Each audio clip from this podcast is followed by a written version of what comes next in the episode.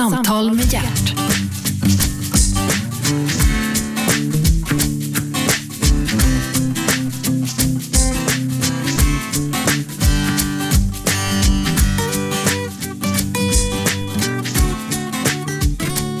God morgon och hjärtligt välkomna till Radio 1. Sveriges enda underbara pratradiokanal. Inte musik så långt örat når. Så du kan fortsätta dig, eller fortsätta att sitta lugnt på ditt musiköra.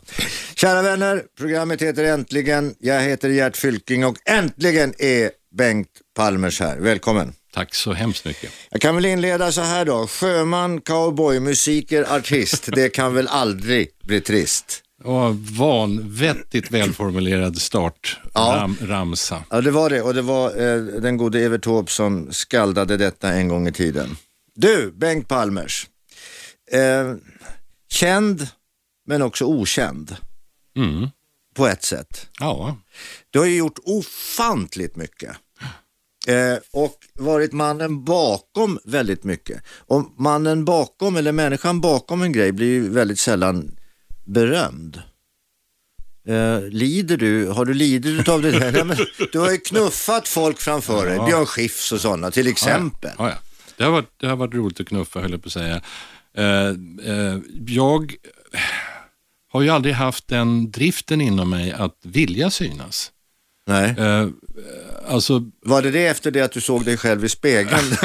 vi är väldigt unga år var väldigt och unga. insåg det här är mission impossible. Nej, men jag har aldrig haft den driften. Alltså, eh, för att bli artist, alltså att vilja stå på en scen eller framför en filmkamera eller tv-kamera eller någonting, då måste man ju ha en drivkraft inom sig som säger jag vill synas, jag vill att folk ska titta på mig, jag vill att folk ska lyssna på mig. Um, alltså, missförstå mig rätt, men en, en liten droppe narcissism måste ju finnas om man, för att bli artist överhuvudtaget. Jag har en hel skopa Man- fullt med sånt. Och jag har aldrig haft det. det jag föddes inte med det i kroppen. Så att eh, jag har absolut inte... Nej men det har ju funkat så då att genom att göra det här, Mhm. eh, som du ändå vill ha sagt eller gjort, Mhm. så har du liksom tagit hantlangare i din tjänst som har varit ditt ställföreträdande, din ställföreträdande artist eller Mm, din ställföreträdande eh, skådespelare eller vad det nu är, eller, eller sångare eller så. Men du har varit i tv. Ja, jo det har jag varit, men jag, jag, jag tycker inte om och, och, Jag tycker som sagt var inte om att synas. Eh, Däremot tycker jag att det är väldigt, väldigt fantastiskt roligt och stimulerande att skapa. Att alltså, skriva en låt eller skriva ett manus eller skriva ett musikarrangemang. Sen vet ju jag, eh, sen vet ju jag, eftersom jag vet var du bor, att det har gått ganska bra för dig. Jag menar att jag bor i Tripoli? Ja, nej då. Nej. Jo, jag klagar inte alls. Alltså, jag tycker att vid 63 års ålder när man börjar kunna titta tillbaka på, på sitt liv, alltså, som då innehåller väldigt mycket, så eh, eh, är jag ju den första att säga, ja vem fan skulle säga det om inte jag, det handlar om att bedöma mitt eget liv och då ska väl jag säga det. Då säger jag att jag är oerhört tacksam och känner mig väldigt privilegierad för att jag har fått jobba med det jag har fått jobba med. Och att det mesta jag har gjort har fallit i så kallad god jord, att det har gått bra. Så att alltså, jag känner mig extremt eh, lycklig. Ja, men det där som du nämner nu, Mhm. jag är lycklig över att få, känner mig pri- privilegierad och sånt. Visst, det säger ju väldigt många, men jag menar, det handlar ju om talang. Ja, det, det är ju, alltså, ibland har man tur, men om man tittar på allt jag har gjort så, så jävla mycket tur kan man inte ha haft, utan det måste funnits några droppar Ja, talang exakt. i det hela också. Men då, ja. om vi börjar från början då. Du är 63 år, du tittar tillbaks på ditt liv och inser att fan, jag har haft talang.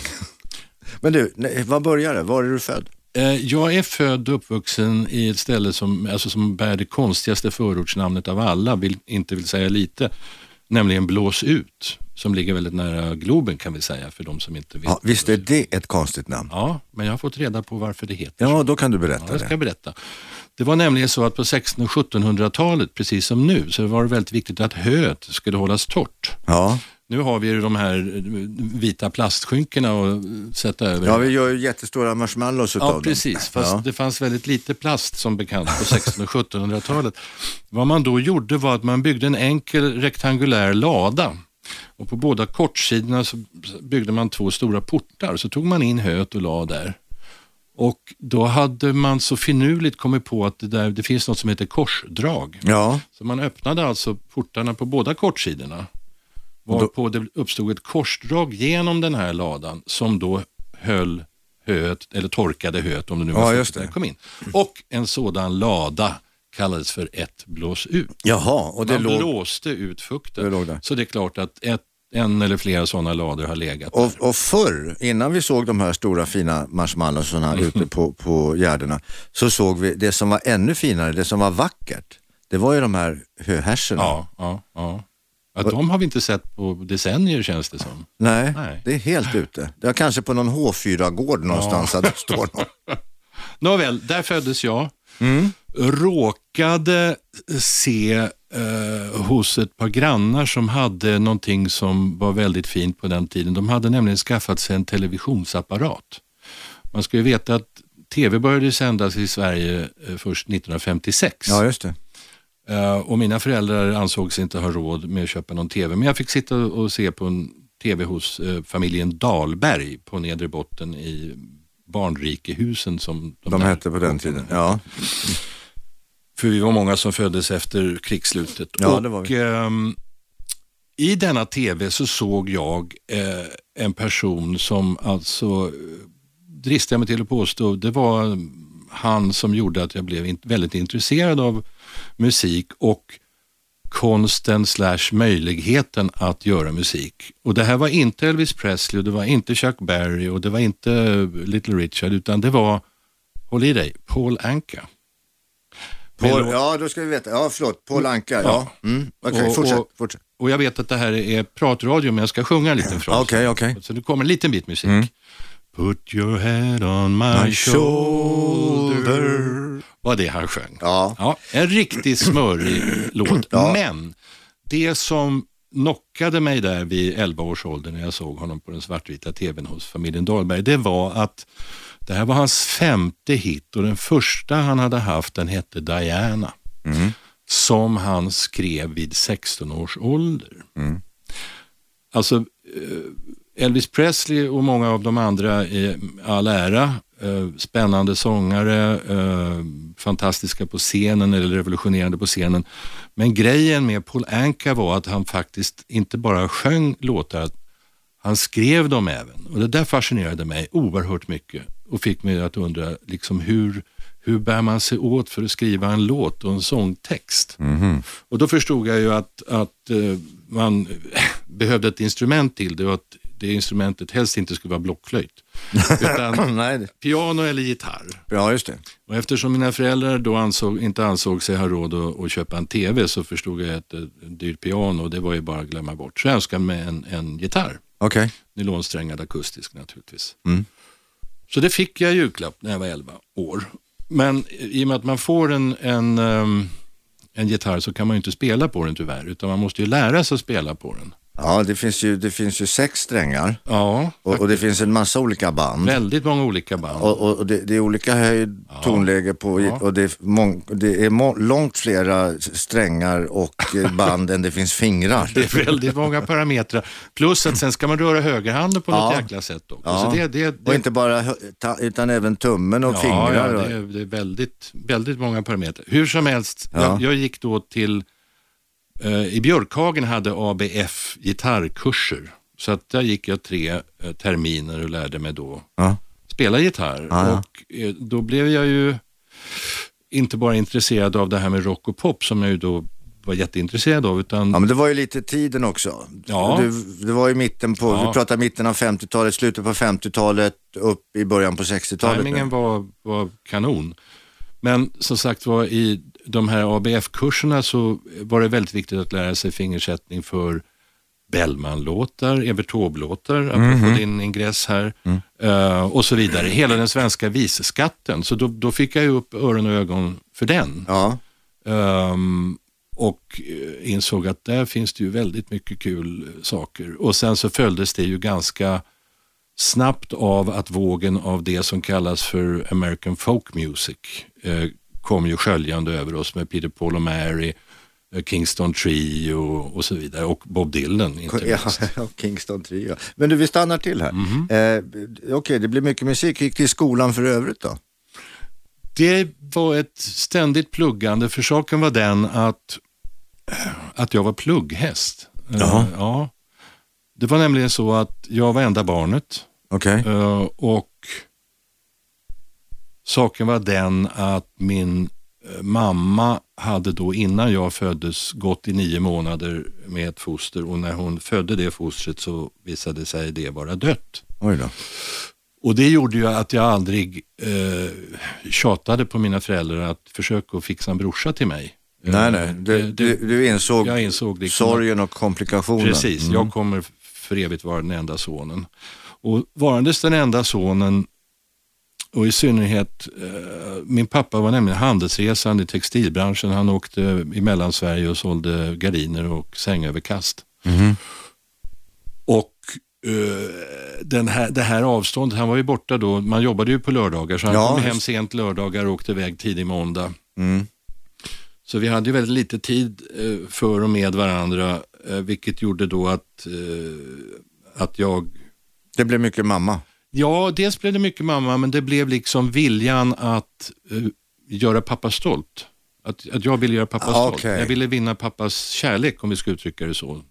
Utan att bli När pappa kom hem så skulle du ha visat att du minsann hade presterat Att någonting. jag hade presterat något. Mm, och det här okej. innebar, eftersom ingen av mina föräldrar hade tagit eh, studenten, så blev mitt mål som tonåring och, och ja, batting redan att ta studenten. Då ska vi veta det att studenten, när vi pratar om studenten vid den här tiden, så det var ingen lek.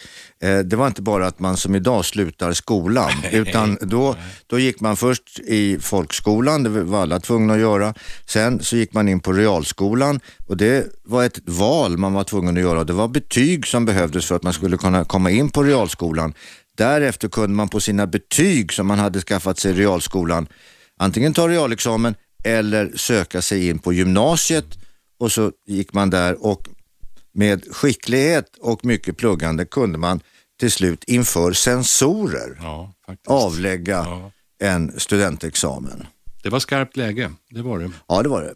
Och eh, där skildes väl lite grann agnarna från vetet kan man säga. Men vi ska veta att också under den här tiden när det här skolsystemet fanns, så fanns det så kallade yrkesskolor. Där man fick alltså, eh, man slutade skolan efter sju år, men man fick gå in och lära sig vad det nu var man skulle vilja bli. Hantverkeri Hantverk. till exempel.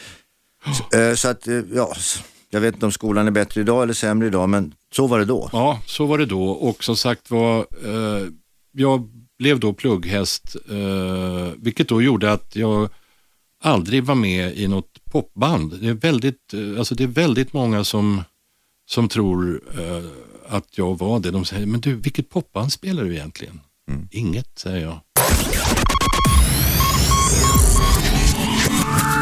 Äntligen! Samtal med hjärt.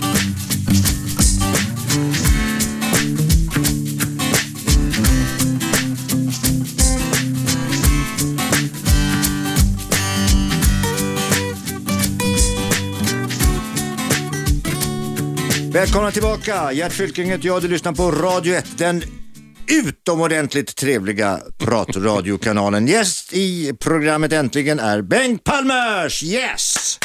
Ja, Vi applåderar oss själva, för att om inte vi applåderar, vem fan ska då göra det?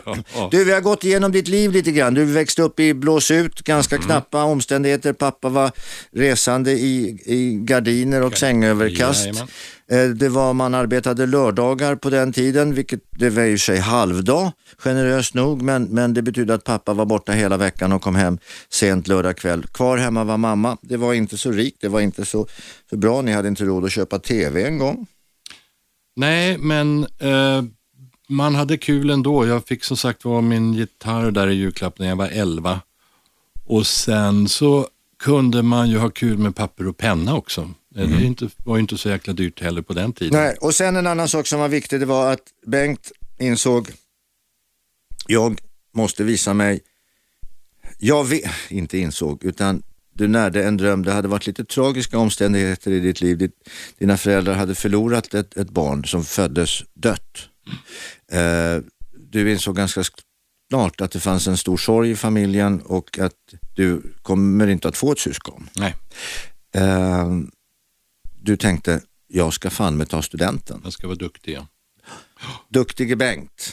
Okej, och Ja. det blev så. ja och då blev det ju så att eh, jag hade ju inte världens lättaste eh, lässkalle. Det vill säga, en del har ju tur, de kan ju öppna en bok och sen är det klart med det. Mm. Men jag eh, valde då i gymnasiet det som hette reallinjen, det vill säga man huvudsakligen... Naturvetenskapliga linjen precis. kan man säga. Man, man läste matematik, fysik och kemi huvudsakligast och det kan jag säga, det är tre ämnen som jag eh, inte var sådär, inget föll så enkelt för mig. Nej, och då ska man veta att på den tiden så var det lite top of the line. Ja, jo. Faktiskt. Och det är det ju fortfarande på ett sätt, men, men då var det verkligen, eh, det fanns allmän linje latinlinjen. och så fanns det latinlinjen då man faktiskt fortfarande läste latin. Ja, kan du fatta? Ja, men latinet är f- bra. Eh, men jag skulle bara säga en sak till här, att din, din musikaliska förebild var Paul Anka. Ja, kan du fatta? Ja, det kan jag mycket väl fatta. Det kan jag mycket väl fatta. För han skrev låtar som Diana, Put your head on my shoulder. Han, han var med i otaliga filmer. Han var snygg, han var tonårsidol, han var flickornas favorit och eh, han gifte sig sedermera tyvärr med Anna Anka. Men som sagt var det viktigaste för mig i min relation, om vi får kalla det för det, med Paul Anka, det var ju som sagt var att han inte bara sjöng låtarna, han skrev dem själv. Och det Just var det. det. jag tyckte var så Vet du vad jag tror, när, när, när du för ett ögonblick, eller f- nyss berättade om att du hade hittat, eller fått en idol genom svartvit tv som du hade gått till familjen Danielsson och tittat Ja. på. Grann, I grannhuset. Dahlberg, ja. Dahlberg, Ja. förlåt. Det var, ja, och då började du sjunga på en låt, vilken, alltså jag trodde att du skulle börja sjunga på Lad oss flyve till en stjärne, stjärne. Vad är det här? Är det Max Hansen? eller? Nej, det är inte Max, Max Vad är- Hansen. vad Nu är- kommer jag inte ihåg vad han heter. Det var ju han med skägget. De hade ju söndag...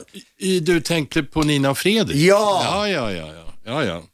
Som, För de var ju stora. Ja, ja, de var Detta danska par Ja, ja. som var fantastiskt stora i svensk eh, tv. Nej, ja, det var de.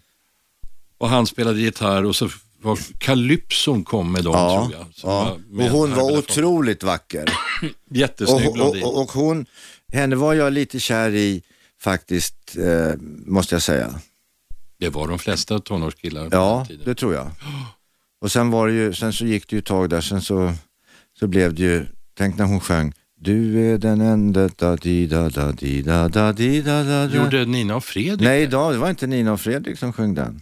Nej, det var väl Lill du Det var ju Lill. Ja, blev du kär i henne också? Nej men det konstiga var att hon sjöng ju den bara för mig. Ja, jag tänk. Så var det ju faktiskt. Ja. ja. Helt fantastiskt. Ja. Mm. Men du, vi skiter i det här nu. Det, jag tror inte att folk idag riktigt förstår hur det var att växa upp som ung människa och hur det var att vara förälder och hur det var att vara arbetare och hur det var att vara tjänsteman. Hur det var att leva i Sverige eh, slutet på 50-talet, början på 60-talet. Eh, det, det är ju rätt eh, allt det du säger och det, det är svårt att förklara. Nu har jag ju skrivit mina memoarer som då heter Slumpens skördar.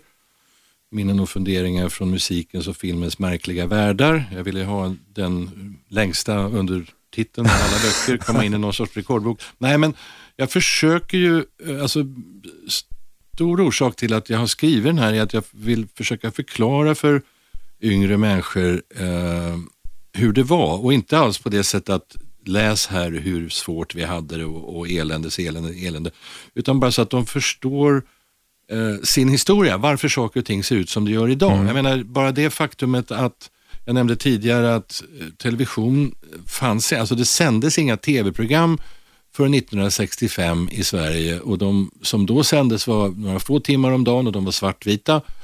Och eh, alltså för att kunna se de här programmen så behövde man köpa en televisionsapparat. Ja. Och det tog ju alltså eh, många, många, många år innan hela Sveriges befolkning slash hem äg, ägde en televisionsapparat. Bara det är ju nå, någonting som en, en tonåring idag måste tänka, hur, fan, hur menar du då? Alltså, vad fanns det inte? Och sen kommer vi att prata om radio, där vi sitter nu och pratar i radio. Så var det ju så att eh, alltså, det svenska radiomonopolet höll ju på i evigheter. Amen. Alltså, det fanns ju när jag då eh, var batting så att säga, fortfarande bodde hemma hos mina föräldrar, så fanns det ju eh, bara P1 och P2. Det var de två, alltså Sveriges Radios program som fanns. Sen så kom, ehm, eh, lade man ut en båt som hette, kallades för Radio Nord. Jack Kotschack. Jack Kotschack, ja. En entreprenör som eh, hade nya idéer. Och där spelade man ju mer pop. Jag ska säga att den låg på internationellt vatten som det heter, det vill säga tre distansminuter utanför Sveriges eh, territorialgräns. Ja, Ja, en bit utanför Ornö helt enkelt i Stockholms skärgård. Och där kunde man ju som stockholmare liksom höra mer rock och pop under en timme än man kunde göra på Sveriges Radios kanaler under en månad nästan. Och då kontrade Sveriges Radio faktiskt med eh, P3. Då kom det som kallades för P3 Melodiradion. Ja. Och den hade ju möjligtvis uppstått ett antal år senare. Eh, Men det var ju eh, på grund av, förlåt, tack vare ska jag säga från mitt perspektiv, att Radio Nord startade sina sändningar som Sveriges Radio var så att säga tvingade att kontra med att sända mer lättillgänglig musik. Du, nu, nu har vi svävat iväg lite grann här. Jag vill hålla mig fast lite grann mera vid eh, människan, mannen, myten, legenden Bengt Palmers eh, sjöman. Eh, Ja, det, ju- det är en karriär jag hade under en sommar när jag var 16. Ja, men är det inte då man ska gå ut på Det är sjön? då man ska ut på sjön. Det var ett sommarlov eh, och då hade jag fått för mig, ursäkta att jag, jag ville se Amerikat. Det är ju för en 16-åring idag är det ju inte speciellt upphetsande. Alltså, idag åker ju spädbarn kors och tvärs eh, över världen med sina föräldrar. Men på den tiden, eh, vi talar nu 1964, så alltså tanken på att komma till eh, USA, det var ju alltså, som för en tonåring idag, komma till planeter utanför vårt solsystem. Och av någon outgrundlig anledning så måste mina föräldrar ha litat så mycket på min förmåga att klara mig själv. Så de sa, ja vi skriver några brev, vi ringer några telefonsamtal och, och så gjorde de det och så vips tog jag tåget ner till Göteborg efter eh, skolterminen var slut, vårt, vårterminen var slut. Gitarr i ena handen, resväska i andra handen och som bor på ett styckegodsfartyg som hette Claritordén som jag tyckte då när det, låg, när det här fartyget låg i hamnen i Göteborg eh, såg extremt stort ut. Och det här, den här båten kommer aldrig kunna gunga ute på Atlanten.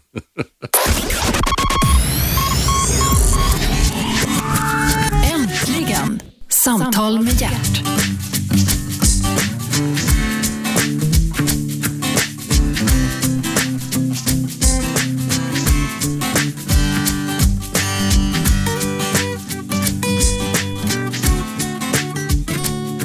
Välkomna tillbaks, Gert Fylking heter jag, Radio 1, kanalen, äntligen programmet och äntligen är Bengt Palmers här.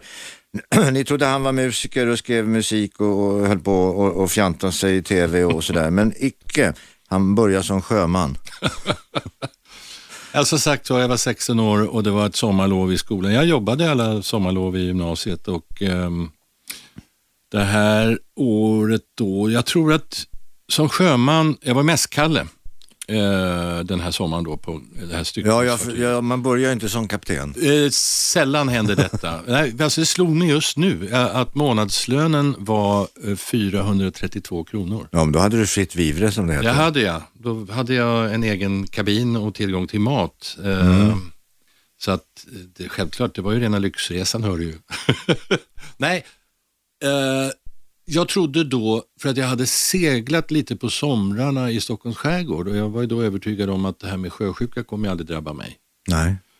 Ehm, Men det visade sig då att det här fartyget som jag hade sett eh, och klivit ombord på i Göteborgs hamn och som såg ut som en, ett orubbligt stenkvarter ifrån eh, Hisingen.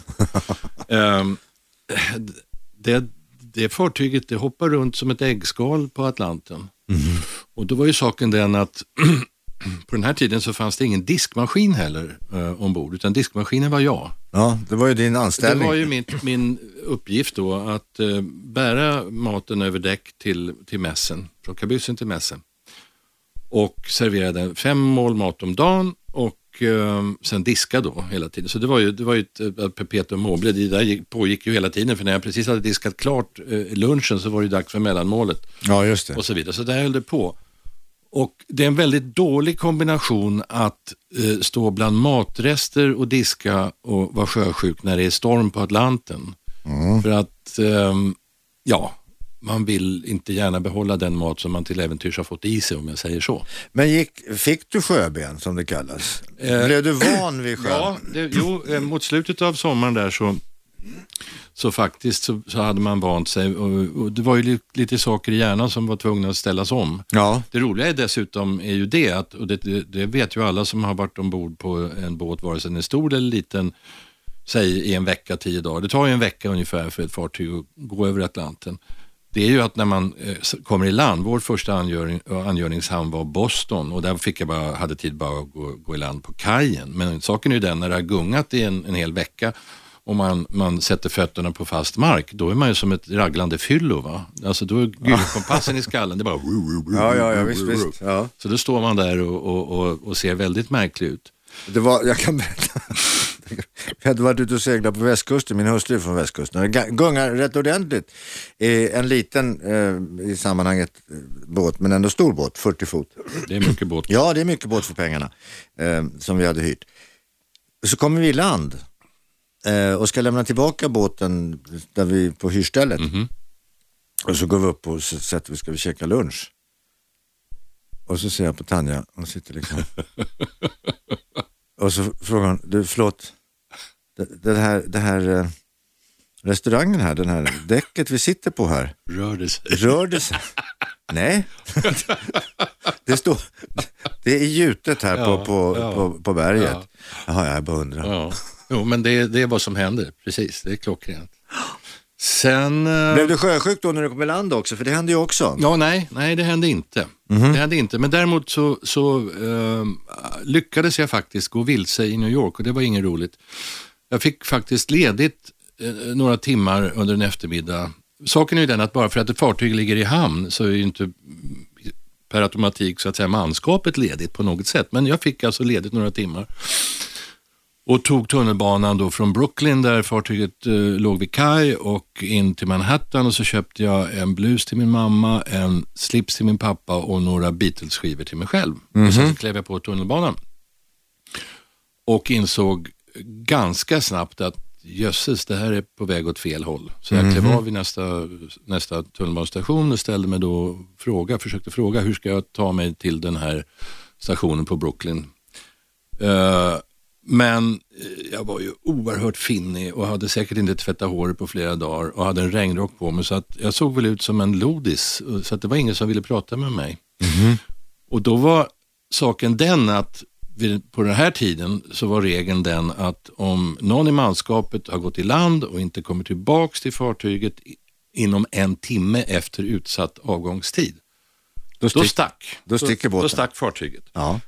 Så Det kallas för att bli akterseglad. Väldigt akterseglad. Eh, och det låter ju, det är ett vackert ord nästan i öronen, men, men jag kan säga att det var inte speciellt. Men som finnig 16-åring med skitigt hår i regnrock I regnrock, ja. i New York så Ja. kändes inte det helt Nej, okej. och dessutom hade jag väl möjligtvis fem dollar i fickan, så att om inte jag kom tillbaks till mitt fartyg så skulle jag vara Alltså jag hade inte ens passet med mig. Nej, nej. Vad skulle en 16-åring göra där med fem dollar i fickan?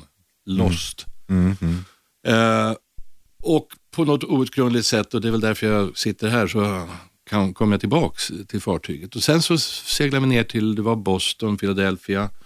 Vi var ända nere i Newport News, eh, stor marinbas nere i Virginia och så körde vi fram och tillbaks där. Ja, alltså när man går med styckegods, kan förklara det, då, det är olika varor som man hämtar och fraktar och skeppar. Ja. och tar med sig Det och är åker som dit. en, eh, en budbil på Atlanten Ja, just helt enkelt. Jag tror vi hade Volvo-traktorer och lingonsylt och just knäckebröd. Jaha, tror Ja, jag ja. vi hade med oss. Vasaknäcke. Ja, bara en sån sak. Ja, Väldigt svensk eh, last hade vi. Men sen så eh, gick vi ju då även alltså, längs eh, ostkusten i USA med eh, olika varor. Alltså från ja, Amerikanska hamnar Amerik- som ja, skulle från- Ja, så det, det är ju som eh, alltså ett, ett sånt fartyg, är- eller de flesta fartyg, det är ju även oljetankers och andra, de, de är ju horor till sjöss. Alltså Ja. man, ja det är man, det man som... betalar för att de ska utföra en tjänst. Ja, så är det. Det var Ja, okej. och sen- dålig, dålig, dålig jämförelse med horor till sjöss tycker jag. Ja, det var det Kan vi inte rätta till? Ja, ja, nej, det får Hittar göra du inget själv i så fall. Hittar Nej, det gör inte. Nej, det gör jag inte. Nej, utan nu får det stå som ett citat i all evig tid för Bengt Palme så här. Horor till. Slarvig svenska. Men Ja. du min vän, Mm. eh, okej så kom du i land, du hade gitarren med dig, fick du underhålla manskapet med Ja, gitarren? ja, det fick jag göra. Vad hade du för repertoar på den tiden? Var det fortfarande den Mycket svenska? Evert svenska- Mycket Evert Taube. Ja. Och då så var ju saken den att som 16-åring till sjöss så trodde man ju att sjömännens eh, prioriteringslista det var liksom eh, vin, kvinnor och sång. Mm. Eh, det vill säga en dam i varje hamn och, och mycket sprit och öl och sånt. Och det kan jag säga, det fick jag ganska snabbt klar för mig att det, det, nej, så såg inte prioriteringslistan ut. Utan? Ja, etta, tvåa, trea eh, för en sjöman, det är mat, mat och mat. Okej. Um, och uh, det finns ju då avtal, uh, alltså som vad det nu kan heta, Sjöfartsförbundet eller vad det nu kan vara för någonting har. Och i dem så står det hur många hekto eller gram möjligtvis, vad vet jag, kallskuret som en sjöman ska få varje dag och så vidare. Och, och ja, andra förnödenheter, frukt och grönsaker och sånt. Okay. Mm. Så att det kan jag säga, jag var jobb, jobbade ju då nära med kocken naturligtvis eftersom jag bar maten från, Ja. när han lagade mat till manskapet så, så um, eh, alltså en kock till sjöss, det, det är inte den lättaste uppgiften, tvärtom, det är ett elände.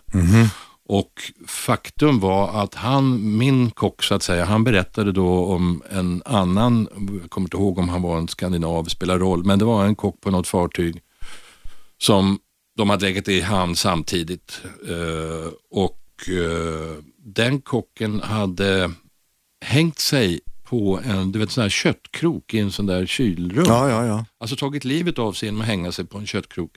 Och så hade han hängt en skylt eller lapp på sitt bröst där det stod Ät nu era jävlar.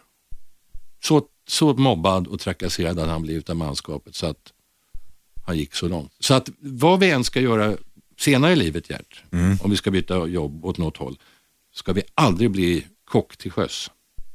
Ingen bra karriär. karriär. Nej, för jag tänkte på en annan historia där. Har ni några kvinnor ombord? Nej, men vi har en tandlös kock.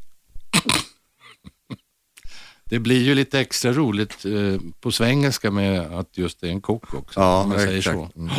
Jaha, okej, men sjömanslivet blev ingenting för dig och den tobska repertoaren den bytte så småningom ut mot eget komponerat material. Ja, Jag pratar, jag ska bara säga det innan eh, det kanske kommer nytillkomna lyssnare här. Jag pratar med eh, Bengt Palmers i programmet Äntligen på Radio 1. Yes! Shoot, Bengt. jo, ehm, som sagt var, jag hade ju då redan vid, jag kan tänka mig 12 års ålder då börjat skriva visor. ehm, eftersom jag då blev intresserad av den svenska visskatten. Och jag förstod ju inte att, alltså att jag trodde att för att, för att man ska kunna skriva en poplåt så måste man ha en elgitarr i handen. Alltså pop är elgitarr. Jag kunde inte föreställa mig vid 5, 14, 15 års ålder, 16, 17 års ålder till och med, att man med en akustisk eh, nylonsträngad gitarr skulle kunna skriva en poplåt. Det, det, det fanns inte i mitt huvud. Sen visade det sig ju då i mitten av 70-talet när Björn Skifs och jag skrev eh, ja, typ Michelangelo, krama dig, härligt, härligt, farligt, farligt.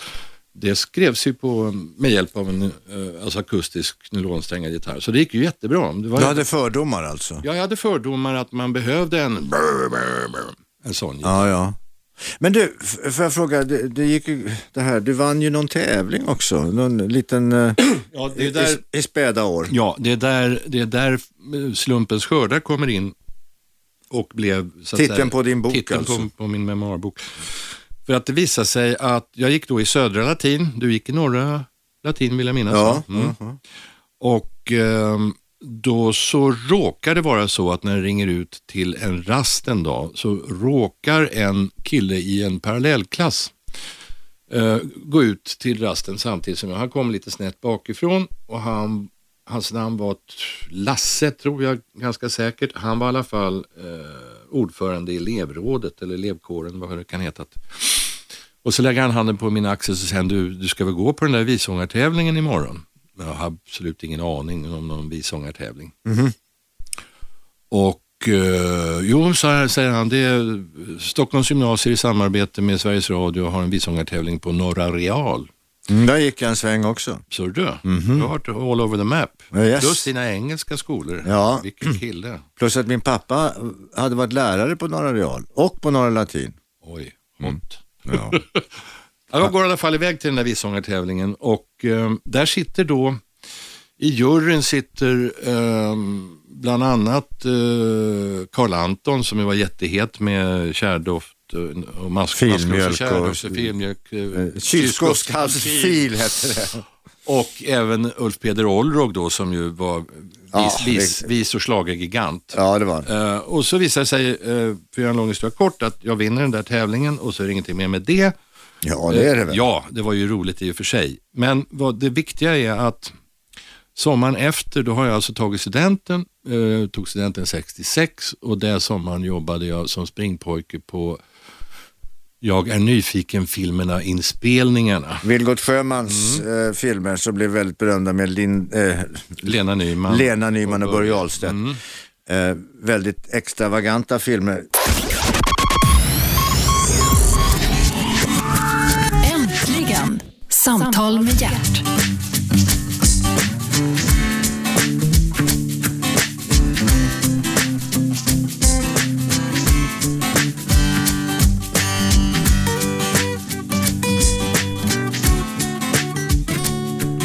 Välkomna tillbaks, du lyssnar på Radio 1. Programmet heter Äntligen. Äntligen är Bengt Palmers här, Gert Fylking heter jag. Bengt Palmers, ja du, det har hänt mycket fram till idag i ditt liv. Sen måste vi också konstatera här, och det gjorde vi ju alldeles nyss, vi har ju faktiskt jobbat tillsammans ganska, ja inte direkt ska jag väl säga, men indirekt. Indirekt, absolut. För du är ju en feg jävel, du vågar inte stå framför kameran, du sitter ju bakom. Vi jobbade tillsammans, du skrev musiken, Björn Skifs skrev manus eh, bland annat och jag var en skådespelare, filmen heter Joker. Ja, jag och Björn skrev manus och sen skrev jag ju musiken till Just det. Precis som eh, föregående filmen Strul. Som, Just det. Och där, alltså var ju, tanken var ju från början att vi skulle ha ett, alltså The Bad Guys skulle vara ett gäng eh, vilsekomna före detta leninist, marxist, socialist, kommunister. För att den här skrevs då när Sovjetunionen hade rasat samman. Men vår eh, danska regissör eh, Sune Lund Sörensen, han ville ha något farligare och då så sa vi, ja men då vi tar några liksom så här vilsna, tokiga nynazister. Det tråkiga var ju då att eh, från det att vi skrev manus till att filmen visades på duk så hade då både vad heter de, VAM, Vitt ariskt motstånd och Bevara Sverige svenskt, va? två sådana här riktigt Ja. eh, otäcka Fascistoida organisationer. organisationer hade uppstått. Så att alltså det, blev, det blev mer otäckt än vad vi ursprungligen hade tänkt oss, om man säger så. Och den kille, den rollfigur då som skulle vara otäckast av dem alla, det vill säga han som, som var den här ledaren för den här nynazistiska rörelsen, Eh, där valde ju eh, regissören en kille som verkligen, alltså den skådisen gjorde ett jävligt bra jobb, det är inget snack om det. Ehm, han, jag kommer inte ihåg namnet exakt, men jag tror han, jo han hette Gert Fylking. Så var det. Ja, Walter hette karaktären. Mm, det hette han. Walter slog så småningom ihjäl sig. Han ramlade från Globen. Han- Och vet du, jag har fått många frågor på det där. Men Gert, hur, hur kändes det att ramla från Globen? Ja, så ja, det var en studio och Globens tak var vid det till- tillfället när jag föll inte mer än två meter. Nej. Hur som helst. Men det gjorde ont att falla Ja. ner från Globen. Ja, det ja, gjorde det. Det gjorde det, absolut. Jag slog ihjäl mig. Eh, och det har jag lärt mig på senare år, att man ska inte slå ihjäl sin film för då är det väldigt svårt att komma tillbaka. Jättebökigt, jättebökigt. Ja. Du, men ja visst det var, det var underbart kul att få jobba ihop så. Men du har gjort mycket mer. Du började faktiskt med, med filmens underbara värld i, i Jag är nyfiken gul, jag är nyfiken blå. Ja, jag var ju springpojke då, som sagt var. Eh, eh, Precis, hade tagit studenten så jag var 18 år. Och det var en väldigt, väldigt, väldigt märklig eh, filminspelning. Eh, alltså, det fanns ju ingen manus och det fanns ingen titel på filmen. Saken var ju den att, att varför det kom två filmer, en som heter Jag nyfiken gul och en som heter Jag nyfiken blå, berodde på att det blev så mycket råfilm inspelat så att det räckte så att säga till två filmer. Och eh, jag vet ju fortfarande inte... Jag, Undrar förresten hur många filmer Kalle Nuttler kan klippa ihop ja, ja, på men- sitt material. Ja, ja. Men, men som sagt var, eh, det här alltså inspelningsarbetet gick till så att varje dag så presenterade Vilgot Sjöman, regissören, en, ett A4-ark och sa det här ska vi spela in idag och det gjorde vi naturligtvis vi i teamet men vi förstod aldrig vad, vad, är, vad, vad är det den här filmen vill berätta. Och jag såg om jag är nyfiken gul för ja, det är ett eller två år sedan och jag förstår fortfarande ingenting. Jag vet inte vad, vad den Men den blev väldigt omskriven vid sin tid för den var ju väldigt eh, vågad om vi får Den var använda ju oss väldigt utav- vågad i, i alla nakenscener med Lena Nyman och Börje Ahlstedt. Det var den ju. det var Absolut. absolut. Ja. Eh, och den väckte ju mycket namn omkring sig. Eh, sen då, din egen filmkarriär. Du skrev manus till, väl, eh, inte bara jobbade i, tillsammans med, med eh, Björn Skifs. Björn Skifs, förlåt. Ja, Sen skrev, sen skrev jag, sagt var Björn och jag skrev manus till Strul och Joker och sen så skrev Peter Dalle och jag manus till Skifsfilmen Drömkåken. Om man säger Ja, så. underbart. Och sen skrev jag, eh, för eg, på egen hand, skrev jag manus till eh, Göta kanal 2. Och jag är väldigt, väldigt noga med att säga att det är tvåan. Trean har jag absolut ingenting med att göra. Jag upprepar, jag har ingenting att göra med filmen Göta kanal 3. Tvåan däremot skrev jag manus till och den blev en rungande succé. Så det var, jag tror det var över åtta- 816 000 tror jag biografbesökare, vilket ju är svindlande mycket. Du, eh, Sa han och skröt lite. ja absolut, men det får man göra. Peter Dalle är ju en mm, fantastisk eh, mångsysslare och konstnär Oerhört och begåvad. eh, synnerligen begåvad. Eh, han är ju igång igen eh, med hela tiden nya projekt. Har ni något samarbete idag? Nej, det har vi faktiskt inte. Eh, tyvärr, för att det var väldigt kul och, och eh, lustfyllt som sagt var att jobba med Peter. Vi hade, vi hade inga som helst samarbetssvårigheter. Vi liksom tussades ihop för att Björn, det vill säga Schiffs för det här tillfället, han var ju småbarnsfar och tyckte att han skulle ägna sig lite mer, mer tid åt barnen och inte åt manusarbetet. Eh, och på det sättet, för att då hade ju, Peter hade ju skrivit mycket fantastiska manus till tv, alltså Ja. i olika Lorry-program och så vidare. Men det funkade väldigt, väldigt bra. Peter är, är en oerhört begåvad eh, människa. Dessutom är han eh, ödmjuk och eh, Men ja, nu vi släpper Peter. like vi, pratar om, vi pratar Bengt Palmer. Det, Ja, det blir så när man står så här och pratar. Man har många gemensamma beröringspunkter, kamrater, man har jobbat ihop, alla känner alla. Eh, så att eh, vi måste bara höra avslutningsvis Bengt Palmers, vad händer i framtiden? Du är 62 år. Eh, Jag är till och med 63 Förlåt, år. 63 år. Stackars jag. Jag håller på för tillfället och skriver på ett he- jättehemligt projekt just med Björn Skifs. Jaha. Jag håller på och baxar ett projekt tillsammans med en kille som heter Jakob Skarin. Vi håller på att baxa projektet som heter scenmusikalen Sällskapsresan med Lasse Åbergs goda minne. Får, har vi alltså fått eh, förvalta Kanarieö-filmen, alltså Första. Åberg, Åbergs första till scenmusikal. Det är ett stort projekt. Sen har jag ett filmmanusprojekt för SF som heter Dancing Queens som är en eh, komedi som handlar om en fiktiv dragshowgrupp som måste återuppstå efter 20 år och 20 kilo mer på kropparna.